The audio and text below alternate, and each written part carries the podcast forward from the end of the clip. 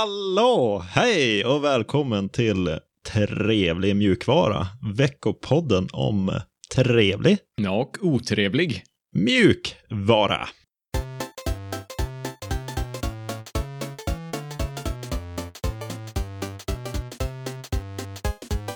Jag heter Alexander och med mig har jag som vanligt Sebastian. Tjena! Vad har du hittat på för spännande den här veckan då? Denna veckan har varit en vecka i molnets tecken när det kommer till programmering för mig. Jag har suttit och jobbat med serverless-funktioner, eh, Amazons AVS-konsol, som Jaha. jag för övrigt avskyr för att man hittar aldrig någonting.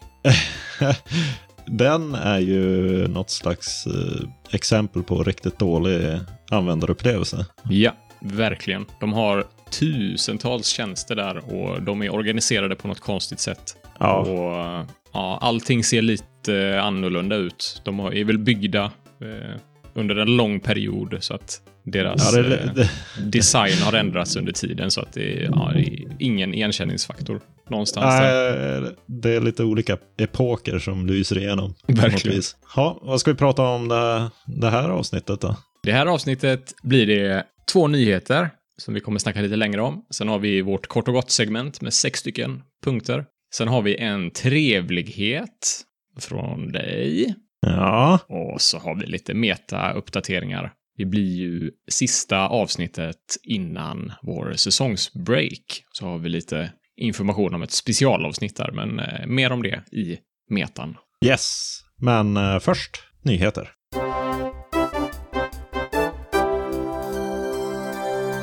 Mm. Pine eh, 64 har lite för mycket att göra och eh, OpenStreetMap är på tapeten. Pine Store Community har vi lite uppdateringar på. Ja, Har de blivit eh, för stora? Sa du det? Nej, inte egentligen, tror jag. De eh, har stött på ett lite tacksamt problem, kan man kalla det kanske. Mhm. De har ju fått in eh, en massa nya användare som eh, köpt deras produkter. De har ju vuxit sig ganska stora den, eh, det sista året. Och det är ju inte alltid positivt på alla fronter när man får en större publik eller större mängd eh, kunder. Nej, just det. Är det lite växtverk som gör sig till känna? Nja, de har inte riktigt växtverk. De har eh, däremot fått in fel sorts folk, höll jag på att säga. Eh, Den 2 december så la Lukasz Eresinski eh, upp ett eh, inlägg då på Pine64s blogg där han eh, kallade den för Pine Store Community Pricing and Online Retail Stores. Okej. Och i det här inlägget så försöker Lukas att förklara vad det är för utmaningar de har stött på i och med att de har vuxit sig så stora nu det sista. Och han börjar ju det här inlägget med att förklara att Pine 64 inte är ett företag. Jag vet inte hur man ska översätta det på bästa sätt.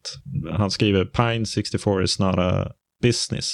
Man kan väl översätta det till att Pine 64 inte är ett vinstdrivande företag, kanske. Aha, det trodde jag det var. Ja, kanske på pappret. Så de har ju alltid kommunicerat att försäljningssiffror aldrig har varit någon slags drivande kraft. Vinst har aldrig varit det som driver dem, utan det är möjligheten att skapa nästa roliga experimentella pryl som är den drivande kraften. Ja, Okej. Så eh, vissa enheter, exempelvis original Pinebook, har de ju eh, sålt med förlust ibland, bara för att få den i händerna på entusiaster. Men som eh, vi har sagt några gånger så har Pine64 fått en massa uppmärksamhet och sett en stor tillväxt i popularitet och sålda enheter, men eh, även annat. Andelen av eh, support som ägnas åt sådana här, ja, vad ska man kalla det, mjukvaruproblem eller folk som ger annat än bra problembeskrivningar har vuxit lavinartat den sista tiden. Men Just Så det är det. väl eh, Eh. vanliga... Det kommer med territoriet, tror jag. Ja, När man har sån öppen plattform. ja, precis. Och det är väl andra grupper som får de här eh, enheterna till sig än tidigare. Förr så var det väl mer säkert att det skulle bara landa i händerna på entusiaster och nu har det blivit lite mer mainstream. Okej. Och då, då hamnar det ju i händerna på folk som inte riktigt bryr sig om att göra vettiga problembeskrivningar och som inte vill meka med datorn lika mycket. Ja, just det, just det. Deras eh, förväntningar kanske också var annat än vad, vad de faktiskt fick med Pinephonen. Ja, precis. De såg väl en telefon som inte var Android och iOS och att den var billig. Och då tänkte de att den ska vi prova. Utan att riktigt sätta sig in i vad det innebär att äga en Pinephone i, den, här- i det här stadiet. Det är ju inte en riktigt... eh, Den går väl att använda nu hyfsat bra. Och det är väl något som vi kanske ska titta på. här, Att jag provar som en utmaning här nästa år kanske. Men eh, det är ju fortfarande... Ja, folk kommer in med förväntningar. Ja, precis. Och så uppfylls inte de riktigt. De förstår inte riktigt inriktningen. Och så blir de kanske besvikna eller så lägger de sådana dåliga buggrapporter då. Mm. En siffra som man tar upp här är att de har kommit upp i 3000 supportmail per månad. Och det är ju ganska mycket. Det är ganska mycket. ja. Och då har de ju satt sig ner och funderat lite på vad de kan tänkas göra för att lösa det. Har du någon lösning på det här? De kanske kan involvera gemenskapen på något sätt ytterligare. Jag antar att de gör det redan, att de har sitt forum Ja. där man kan ställa frågor, men eh, jag vet inte hur det ser ut i de officiella kanalerna. Det är ju ganska mycket engagemang där redan. Men problemet är väl att de som skaffar de här enheterna och eh, ramlar in i den där kategorin av jobbiga kunder, de eh, har inte riktigt eh, hittat dit. Utan, eller de vill, de bryr sig inte om att ta, ta hjälp av gemenskapen, för de tänker att det här är ett företag och de ska hjälpa mig direkt. Okej, ja. Deras lösning som de har kommit fram till är att introducera lite mer lokala, nu ser man inte det, men jag gör sådana här situations Okej, tecken. Ja. On, lokala onlinebutiker som, i- som initialt huserar i och riktar in sig på marknaderna i Europa och Nordamerika. okej. Och målet är väl att det ska komma i, ut till hela världen också till slut. Okej, så de ville röra sig bort från en stor gemensam eh, s- Nej, butik. Nej, det- produkterna kommer att fortsätta säljas på Pine Store med något som de kallar gemenskapspris, som är de här låga priserna. Men Mm. tanken är att folk ska kunna betala lite mer och få bättre support genom de här ja, satellitbutikerna eller vad man ska kalla det. Ja, Okej, okej, okej. Så det är ju någon slags, jag vet inte, franchise-lösning. Ja, det var vad jag tänkte på också. Så det är intressant. Och i januari 2021 så kommer en uppdatering och lite mera detaljer om hur de tänker med det här. Okej, spännande. Kanske man kan starta en eh, Pine 64-franchise här i Göteborg. Ja, precis. Trevlig hårdvara. Det hade varit något. ja, just det. Snyggt. Öppen vägkarta, eller OpenStreetMap. Ja, precis. Känner du till OpenStreetMap sen tidigare?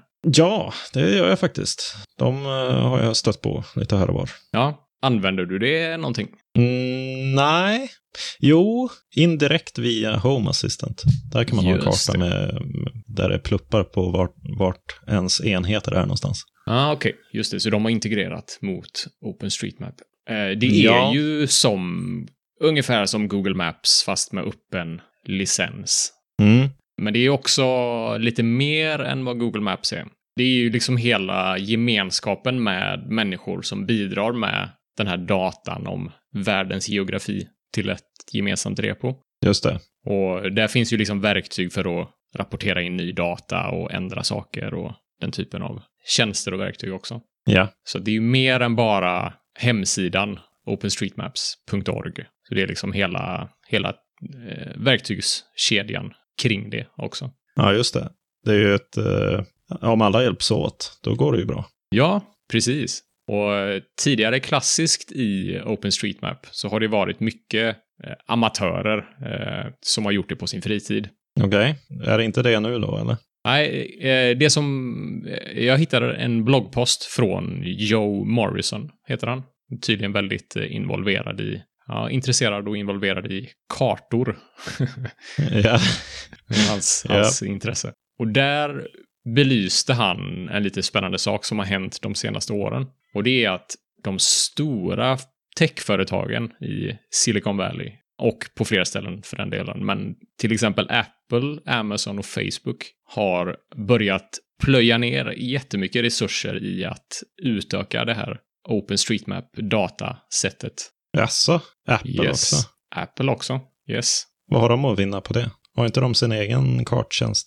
Jag tror väl inte att den mottogs särskilt eh, positivt när den släpptes. Nej, men den är ju kvar och de utvecklar väl den fortfarande eller? Ja, jag är inte riktigt hundra på f- hur mycket av OpenStreetMap som Apple använder eh, och var, men de bidrar åtminstone jättemycket till den här öppna datan. Så jag misstänker ju att de från början så patchade de ju in data från OpenStreetMap i Apple Maps. Så det var, Jaså? Apple Maps var en samling av flera olika sådana här datasätt.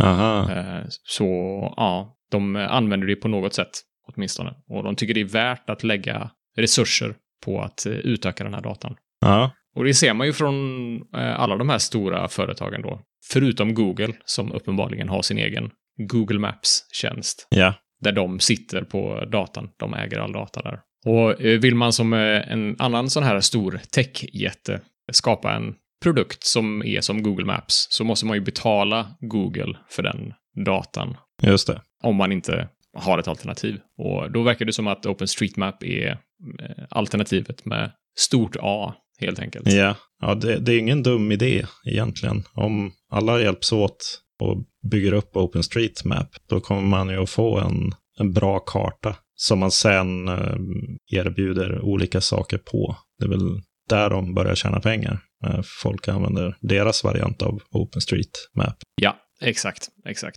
Och det är ju inte bara i de här karttjänsterna som sån här, sån här kartdata är aktuell, utan eh, OpenStreetMap vill ju vara mer som en Wikipedia-typ tjänst. Ja, Så att om man jämför Wikipedia med eh, ett uppslagsverk så kan ju OpenStreetMap vara eh, samma sak fast för en atlas. ja just det. Det är mycket, mycket mer data än bara liksom vart vägarna går. Det är liksom information om byggnader och sevärdheter och den typen av saker också. Ja, just det. Så det finns ju eh, obegränsat med coola tjänster man kan bygga på den här datan. Så det han tar upp egentligen är att det har vuxit engagemanget från större företag att bidra har vuxit. Just det. Det verkar som att de, för att slippa betala licenskostnaden, eller det är hans teori i alla fall, eh, de vill slippa betala Google för att använda deras stängda data och ersätta det med ett fritt och öppet alternativ som inte kostar dem eh, några pengar i licensavgifter åtminstone. Eh, de anställer oftast redan aktiva sådana här kartläggarpersoner och då är det Vad folk kallas som... de egentligen? Jag Finns det inget vet namn inte. för dem? Jag vet inte. OpenStreetMappers kanske? Kartografer. Kartografer, ja. ja. folk som eh, redan har varit aktiva i gemenskapen och bidragit med data. Som nu då får betalt för någonting som de redan höll på med gratis tidigare. Och det är ju uppenbarligen billigare och lättare för de här stora techföretagen att göra det än att starta sitt eget projekt.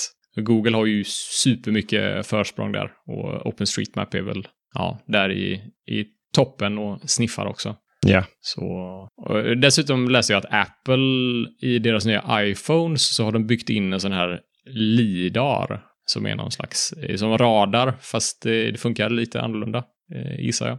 Ja, Där du kan typ 3D-skanna en miljö med hjälp av radar. Så du skulle kunna 3D-skanna din lägenhet eller ditt hus om du vill. ja just det. Och med tanke på att de håller på att hjälpa till med datan i OpenStreetMap så är det ju inte jättelångt till att misstänka att de har någon slags eh, augmenterad verklighet, eh, AR, augmented reality, idéer där. Nej, just det. Det är, ju, det är ju något som de har jobbat på ett tag. Det finns ju AR-kit. Ja, just det, någon eh, utvecklar developer-kit för det där. Ja, man kan ju lägga ut möbler och grejer i sitt rum. Se hur det blir. Just det, just det. Ja, det är fräckt. Jag är eh, jättenyfiken på den teknologin. Ja, det finns ju lite annat snack också där användare eller folk som har varit med i gemenskapen på OpenStreetMap länge som är lite rädda för att de här stora företagen kommer in och lägger ner en massa resurser och kanske tar över styret i OpenStreetMap och formar det till det de behöver. Just det. Det är ju, ja, man får lite W3C-vibbar av det. Just det. S- Många stora företag som eh, har säten i eh, styrelsen och kan rösta igenom sina egna förslag.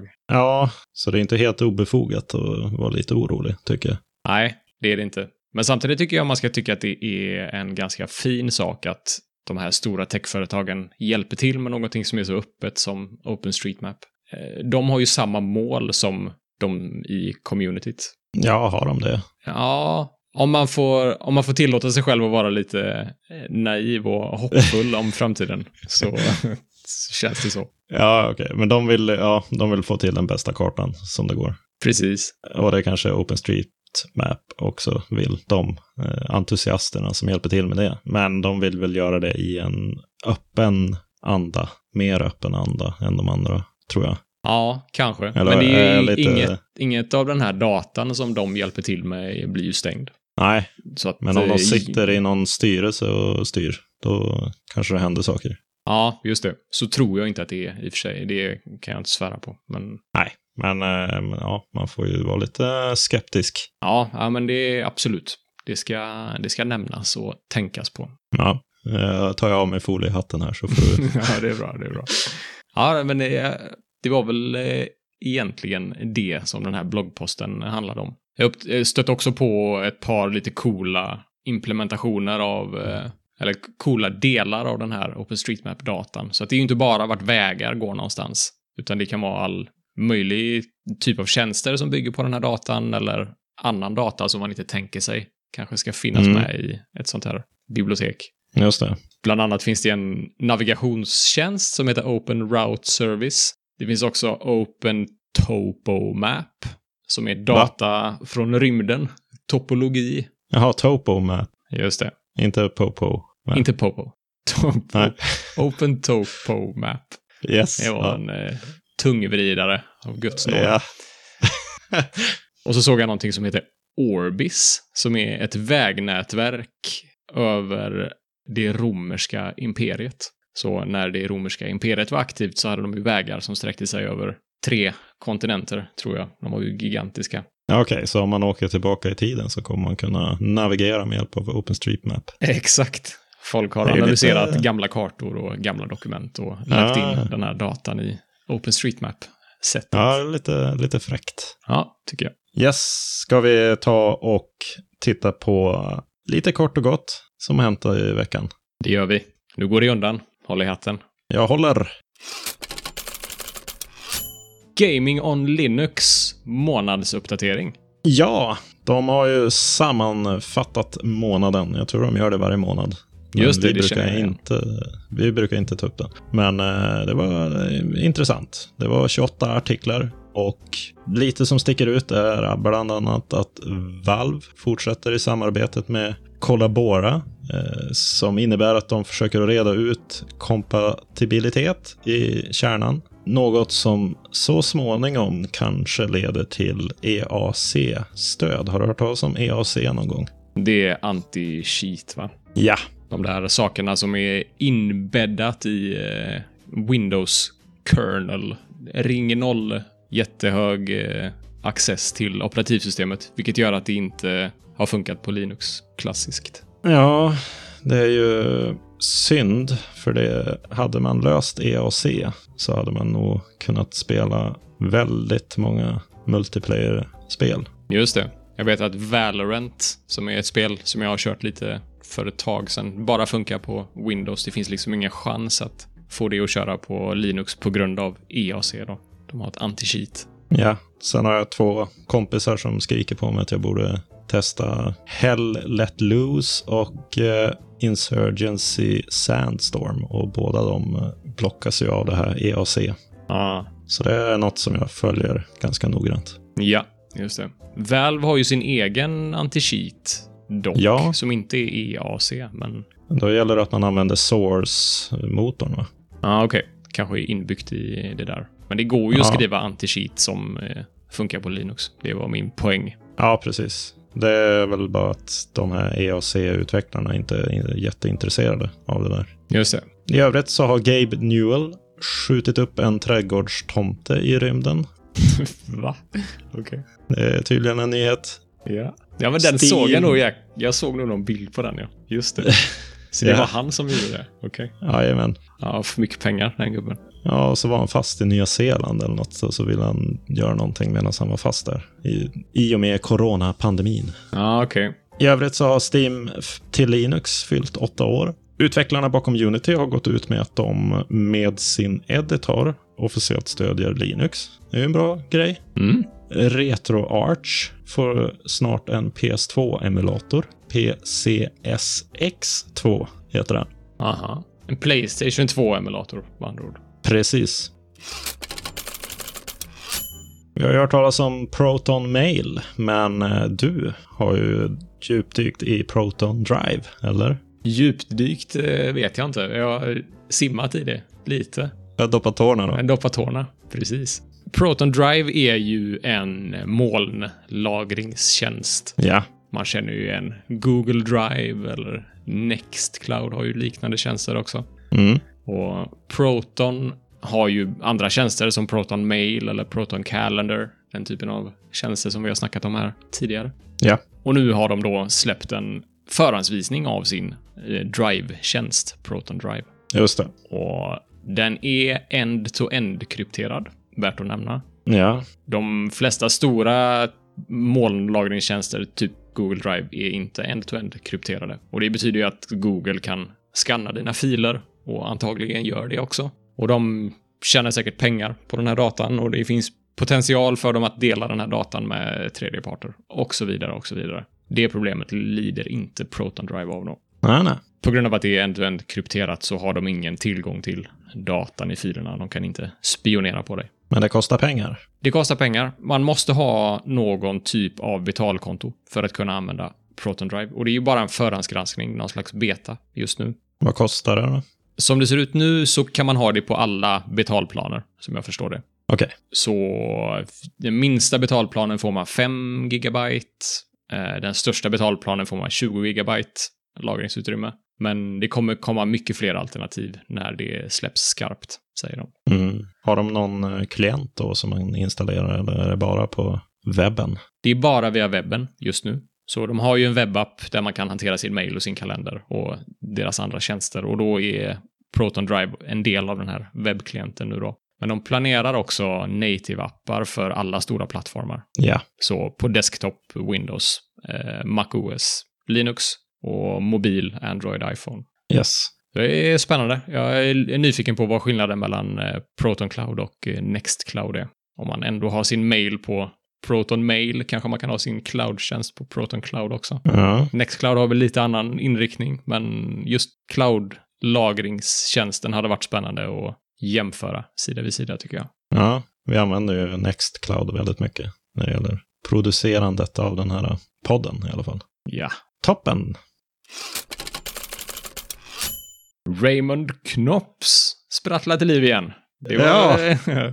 det var några avsnitt sedan vi eh, hörde om honom. Ja, det var... När var det? Nu ska jag, se. jag ska gräva i arkivet här lite. Den 5 maj hade vi som trevlighet fri mjukvara i Nederländerna. Mm. Och då dök ju Raymond Knops upp i diskussionerna för han lovade lite saker. Ska vi lyssna på vad vi sa då? Ja, behöver en uppfräschning.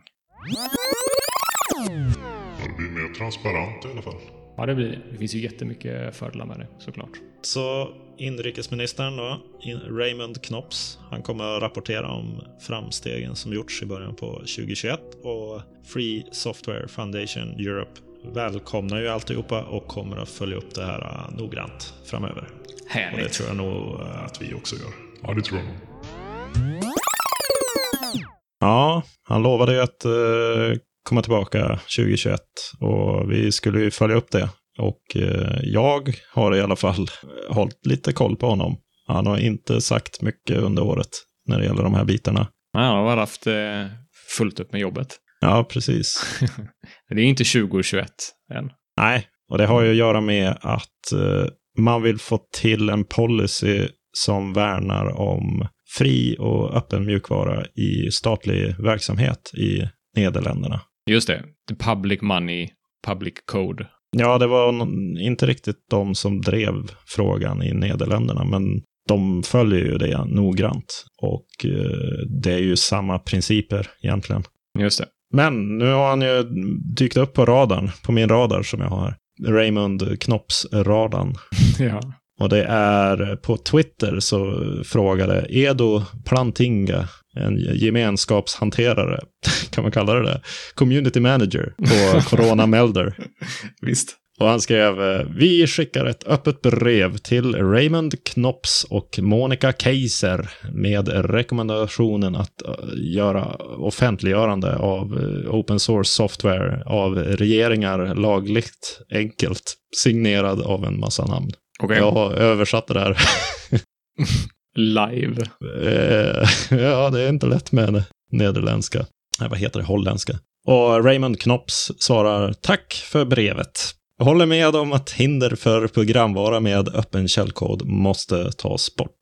Jag står för en öppen och transparent regering. Nästa månad kommer jag att presentera min vision om detta. Mm. Så han håller ju vad han lovar. Han teasar. Ja, Han teasar 2021. Raymond Knops. Raymond Knops. Allas eh, favoritknopp, så att säga. Ja, det ska bli riktigt spännande att se vad han kommer fram till. Ja, nu har han ju hypat det här i över ett år, så nu ja, får det vara riktigt stort det han kommer ut med. precis. Lutris har eh, ny version, 0.5.8. Ja, Vad är Lutris? Lutris är ett program som kan hantera spel och andra applikationer för den delen från olika spelbibliotek. Så den kan hämta in alla spel från Steam. Den kan hämta in eh, spel från andra spelbibliotekstjänster också. Ja, lokalt installerade spel och Just det, just det. emulatorer och sånt va? Just det. Så en, en game launcher kanske med eh, lite extra cool fancy funktionalitet. Och den är open source och den är gratis såklart. Mm. Vad är det som är nytt i den här versionen då? Nytt i den här versionen är ett snyggare UI, vilket jag tycker är jättebra. För att eh, gränssnittet i de gamla versionerna lämnar mycket att önska. Ja, det Det gör de. ser fruktansvärt tråkigt ut, tycker jag. Ja. Det är även förbättrad integration med Lutris-sajten. Så Lutris har en sajt som de kör parallellt där de eh, listar en massa installerare, eh, massa skript eller recept för att installera saker på Lutris. ja. Steam-spel laddas nu in med Steams API, vilket innebär bättre koppling mellan ditt Steam-bibliotek och ditt eh, Lutris-bibliotek. Aha. Extra nedladdningsbart innehåll från GOG, eller Good Old Games, som man säkert har hört talas om, kan väljas i installationsprocessen nu. Aha. Och även favoritsektion har blivit implementerad, vilket jag tycker är schysst. Det använder jag i Steam hela tiden. Ja. Ja, spelsamlingen blir ju större och större och ibland är det lite svårt att hitta i den där listan så då markerar jag de spelen jag spelar ofta i min favoritlista. Så det är ju superbra att det finns i Lutris nu med. Ja. Sen är det massa andra uppdateringar. Det finns en eh, changelog länkad i avsnittsbeskrivningen så det är bara att gå in och läsa. Ja. En sak som eh, jag gör med Lutris är att starta Epic Store på Linux. Så Lutris har ett recept för Epic Store som eh, egentligen bara finns installerbart till Windows. Ja. Och i det här receptet så finns det inställningar för eh, Wine och andra sådana här kompatibilitetsverktyg, emulatorer, som gör att man kan starta Epic Store från Lutris då. Just det. Så det är som en one- one-click install för Epic Store, eh, fastän det inte borde gå. Så Ja, just det. löser Lutris det. Ja, det, är- ja, det förenklar i vardagen. Det gör det. Sabayon plus Fun2 är lika med Mochaccino. Ja. Nu är de här hårdrocksbanden igen. som Går ihop på. Ja, de har ju bestämt sig för ett gemensamt namn nu som är Moccasino. Och eh, vi får tacka Christer som länkade det här. Mm, just det. Ja, jättebra. Vi snackade ju om Sabayon och Fun2 förra avsnittet. Ja, Och det är Mochaccino och inte Moccasino, va? jag har ingen aning. Som cappuccino. Ja, fast det är inte mockasiner. Nej, jag tror det är Mochaccino. Ja, säger du mockasin- mockasinor också? Eller? Sådana man har på fötterna. Nej, Ja, Nej det är ska ta moccasi- på mig mina det är mockasinor. moccasinor. Det är moccasinor. Okej. I alla fall den här Moccasino OS använder eh, Luet som eh, pakethanterare. som tydligen är helt statisk. Och eh, det finns två varianter, eller kommer att finnas två varianter. Det är Moccasino Micro för containrar och molntjänster och eh, Moccasino Portage som baseras på Sabayon-branschen och är för vanliga datorer. Ah, Okej. Vad innebär det att en pakethanterare är helt statisk? Det är, nu gissar jag bara, men eh, att bibliotek och sånt där är byggda statiskt mot binärerna kanske. Jag vet inte. Ja. Om man, om man drar Win- Windows-exempel så har man ju DLL-filer som krävs för att köra vissa program. Ja. Men eh, det finns program som bygger in dem i binären så att eh, alla bibliotek och grejer eh, följer med, är statiska i binären. Okej, så det är bara en viss typ av applikationer som finns i den här pakethanteraren. En viss typ av paket. Ja, det är väl mest hur man bygger det. Så om man har olika versioner av bibliotek eller om program kräver olika versioner av olika bibliotek så är inte det ett problem eftersom man ändå har det, den versionen som krävs i binären som kör. Att alla dependencies är bundlade i samma statiska paket. Då. Ja, jag tror det. Nu får ju någon lyssnare gärna komma in och eh, rädda oss här. Någon, ja. någon som känner att de skriker på, på oss. ja. Ja, intressant. Mm. GitHub Universe Ja, det är några dagar som GitHub håller i med. De säger att det är interaktiva livesessioner, men jag tror väl att det är föreläsningar helt enkelt. Aha. Och det är under tre dagar som sagt. Idag och två dagar framåt. Börjar Ja. klockan 18 idag. Och när jag säger idag så menar jag tisdag. Den åttonde spelar vi in. Nu får lyssnarna en massa insikt i hur vi fungerar här. Just det. Så när det här avsnittet kommer ut så har ju det GitHub Universe redan börjat. Och det verkar vara föreläsningar som är fokuserade på framförallt tre stora kategorier och det är utvecklare, Enterprise och studenter. ja. Och de är uppdelade på fyra kanaler. Och det är Developer, Enterprise, Play och University heter de här fyra kanalerna. Okej, kostar det pengar? Det kostar inga pengar. Nej. Det är gratis. Så det är bara att spana in där. Kolla på... Det finns ju en kalender med alla föreläsningar på de här kanalerna. Och det verkar ju vara prominenta figurer i gemenskapen. Programmerare, youtubare, kända GitHub-profiler, den typen av folk som håller föreläsningar. Ja. Och det är ju precis som alla s- andra sådana här sponsrade event så är det ju pepprat med GitHub-folk mellan föreläsningarna som pushar på GitHubs features och nyheter såklart. Just det. Eh, några spännande föreläsningar jag hittade när jag kollade igenom schemat var Nat Friedman som är GitHub CEO som vi har snackat lite om här. Han håller ju ett öppningstal som jag är lite nyfiken på. Ja. Sen finns det föreläsningar om generativ konst med kod. Så du kan skapa, Aha. skapa konst med kod som genereras på något sätt. Jag tycker det lät intressant. Ja. Sen var det en föreläsning som hette Creative Coding with Rust. Ooh. Det låter spännande. Jag skulle behöva titta lite mer på Rust själv och kanske är intressant för det med. Ja, det lät ju intressant. Sen Rapid Prototyping for Developers. Prototyping tycker jag är intressant. Bygga saker snabbt. Just det. Och sen ett par föreläsningar om musik och kod, vilket eh, Aha. lät spännande. Och också en föreläsning om Natural Language Processing som handlar om att analysera tal. Och det tycker jag är intressant för att vi talar ju mycket i vår podcast och det hade varit intressant att eh, processera det talet på något sätt. Kanske Just med det. subtitles, undertexter eller eh, ja, analysera vem av oss har sagt flest ord under eh, Trevlig mjukvaras historia. Ja. Eller vad är det vanligaste ordet vi säger? Raymond Knops, kanske. ja, jag tror han ligger högt. Ja. Ja, ska vi ta och titta på något lite trevligare kanske? Mm. Trevligt. Ja, trevligt. NCDU. Ja, det kan vara det kortaste namnet på en trevlighet vi haft. Ja, fyra bokstäver. Ja, Så matchar vi det med att det här kanske blir den kortaste eller snabbaste trevligheten vi någonsin har haft. Okej. Ja, det ska bli spännande. Det känns som att vi har sagt det många gånger och så bara drar det iväg ändå. Men eh, har du problem med diskututrymmet så kan du testa NCDU. Tack! vänta, vänta, vänta, vänta. Vi måste ju... Vi måste veta lite mer om NCDU. Ja, Berätta. kanske. Ja, har du någonsin... har du någonsin fått slut på diskutrymme? Ja. Du har det? Ja, det har hänt. Har det hänt? Ja. Har det hänt på en dator där du inte riktigt kan eh, få en överblick på dina eh, mappar och filer och grejer? Där du inte riktigt vet var disken har tagit vägen någonstans?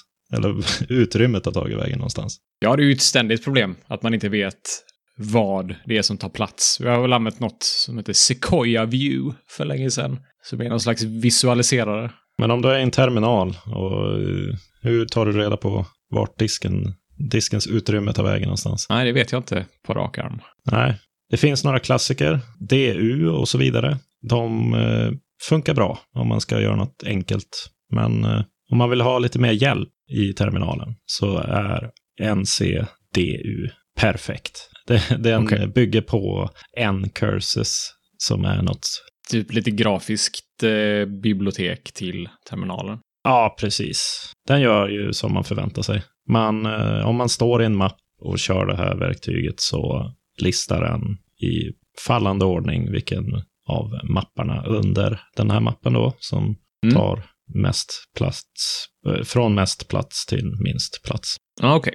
Och eh, den gör det ju snabbt också. Och man får en eh, fortskridningsindikator. Så man eh, sitter inte och väntar på någon, att den håller på och betar av saker, utan man ser att den jobbar på att beräkna saker. Mm. Hamnar du på, i en terminal till någon Raspberry Pi eller någon molnserver och det är ont om utrymme så skulle jag rekommendera den här faktiskt. Ja, schysst. Så den kör hela mappstrukturen ner i varje... Ja, man kan eh, navigera ner i mapparna och det är eh, självförklarande när man kör det Mm. i princip.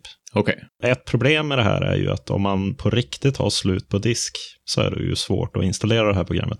Ja, just det. Så passa på att installera det innan du har hamnat i den situationen. Ja, okej. Ja, bra tips.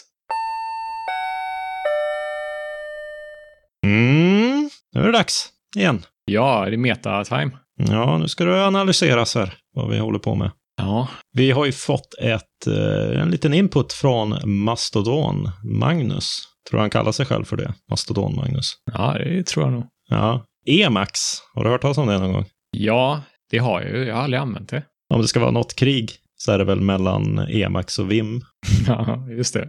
Precis. Ja, det finns eh, fanatiker på båda sidorna. Ja, det är som något heligt eh, krig det där. Just Ibland. det. Ja, vi frågade ju förra avsnittet om folk var intresserade av Vim-plugins. Vi hade ju ett Vim-plugin som en trevlighet. Ja, Magnus han tipsar ju om att vi kanske ska ta upp ett alternativ till Emacs om vi tar upp alternativ till Vim. Mm. Intressant. Det kan man ju fundera på. Absolut. Ett problem är ju att ingen av oss kör Emax. Så vi... Det är svårt det där. Ja, Det tar emot. Nu har man ju kämpat med Vim här. Ska man köra en ny utmaning med Emacs? Ja, precis. Men sen kanske man kan ta... eh, Vill man väl ha kanske alternativ för VS Code också? Ja, Om man nu ska gå på den. ja, vi får fundera på den. Vi kanske, ska, vi kanske ska göra det.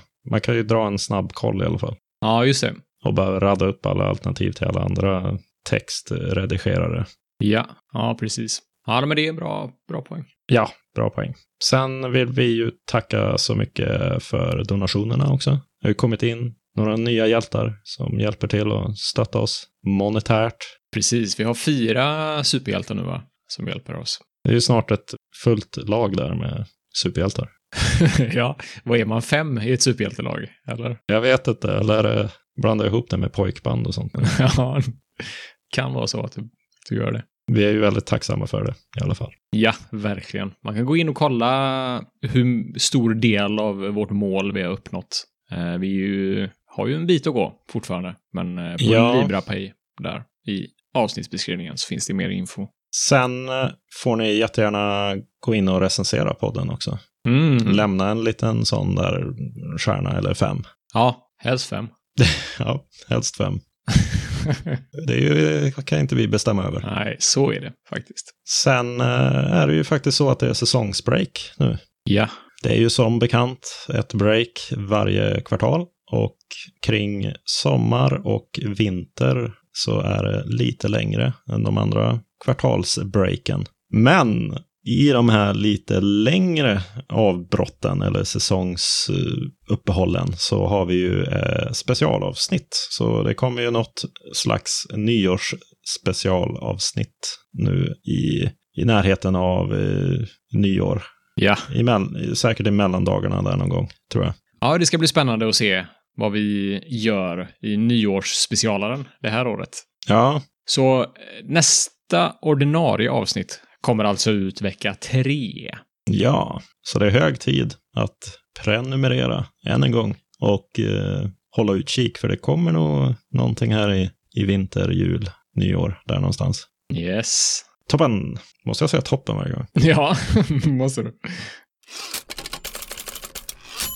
Det var all trevlig Och otrevlig. mjukvara vi hade för denna veckan. Här har vi er till Ja, vart? kontaktatrevligmjukvara.se. Yes. Eller? Ja, ja, ja. Det stämmer. Och Vi finns även på Twitter, Telegram, Mastodon GitHub. och LiberaPay i vår donationsplattform, som sagt. Ja, då hörs vi i specialaren helt enkelt. Mm, det gör vi. Trevlig mjukvara på er. Trevlig mjukvara.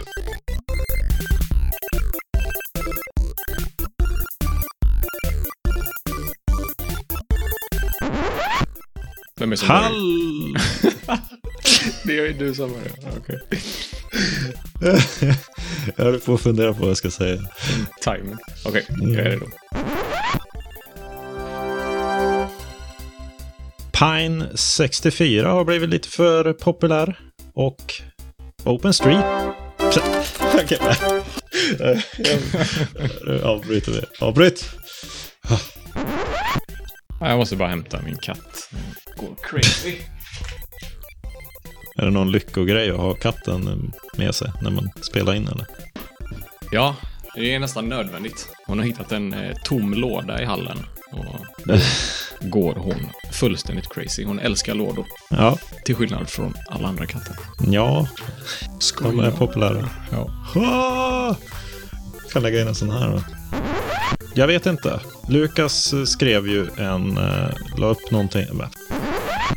Jag vet inte, men... eh, eh. Jesus, nu. Nu spårar det. Okej, nu lugnar vi ner oss. Nu tar vi ett andetag här. Nu ska vi... On, eh, lokala onlinebutiker som i- initialt eh, riktar in sig på marknaderna. Ah. Som initialt riktar in sig på marknaderna. Marknaden. Marknaderna. Alla marknaderna. Använder du det? Använder du, du, du det? det, det? Använder du det? Ah, Vad händer? nej, jag vet inte. Jag kommer ur synk hela tiden. Okej, ja.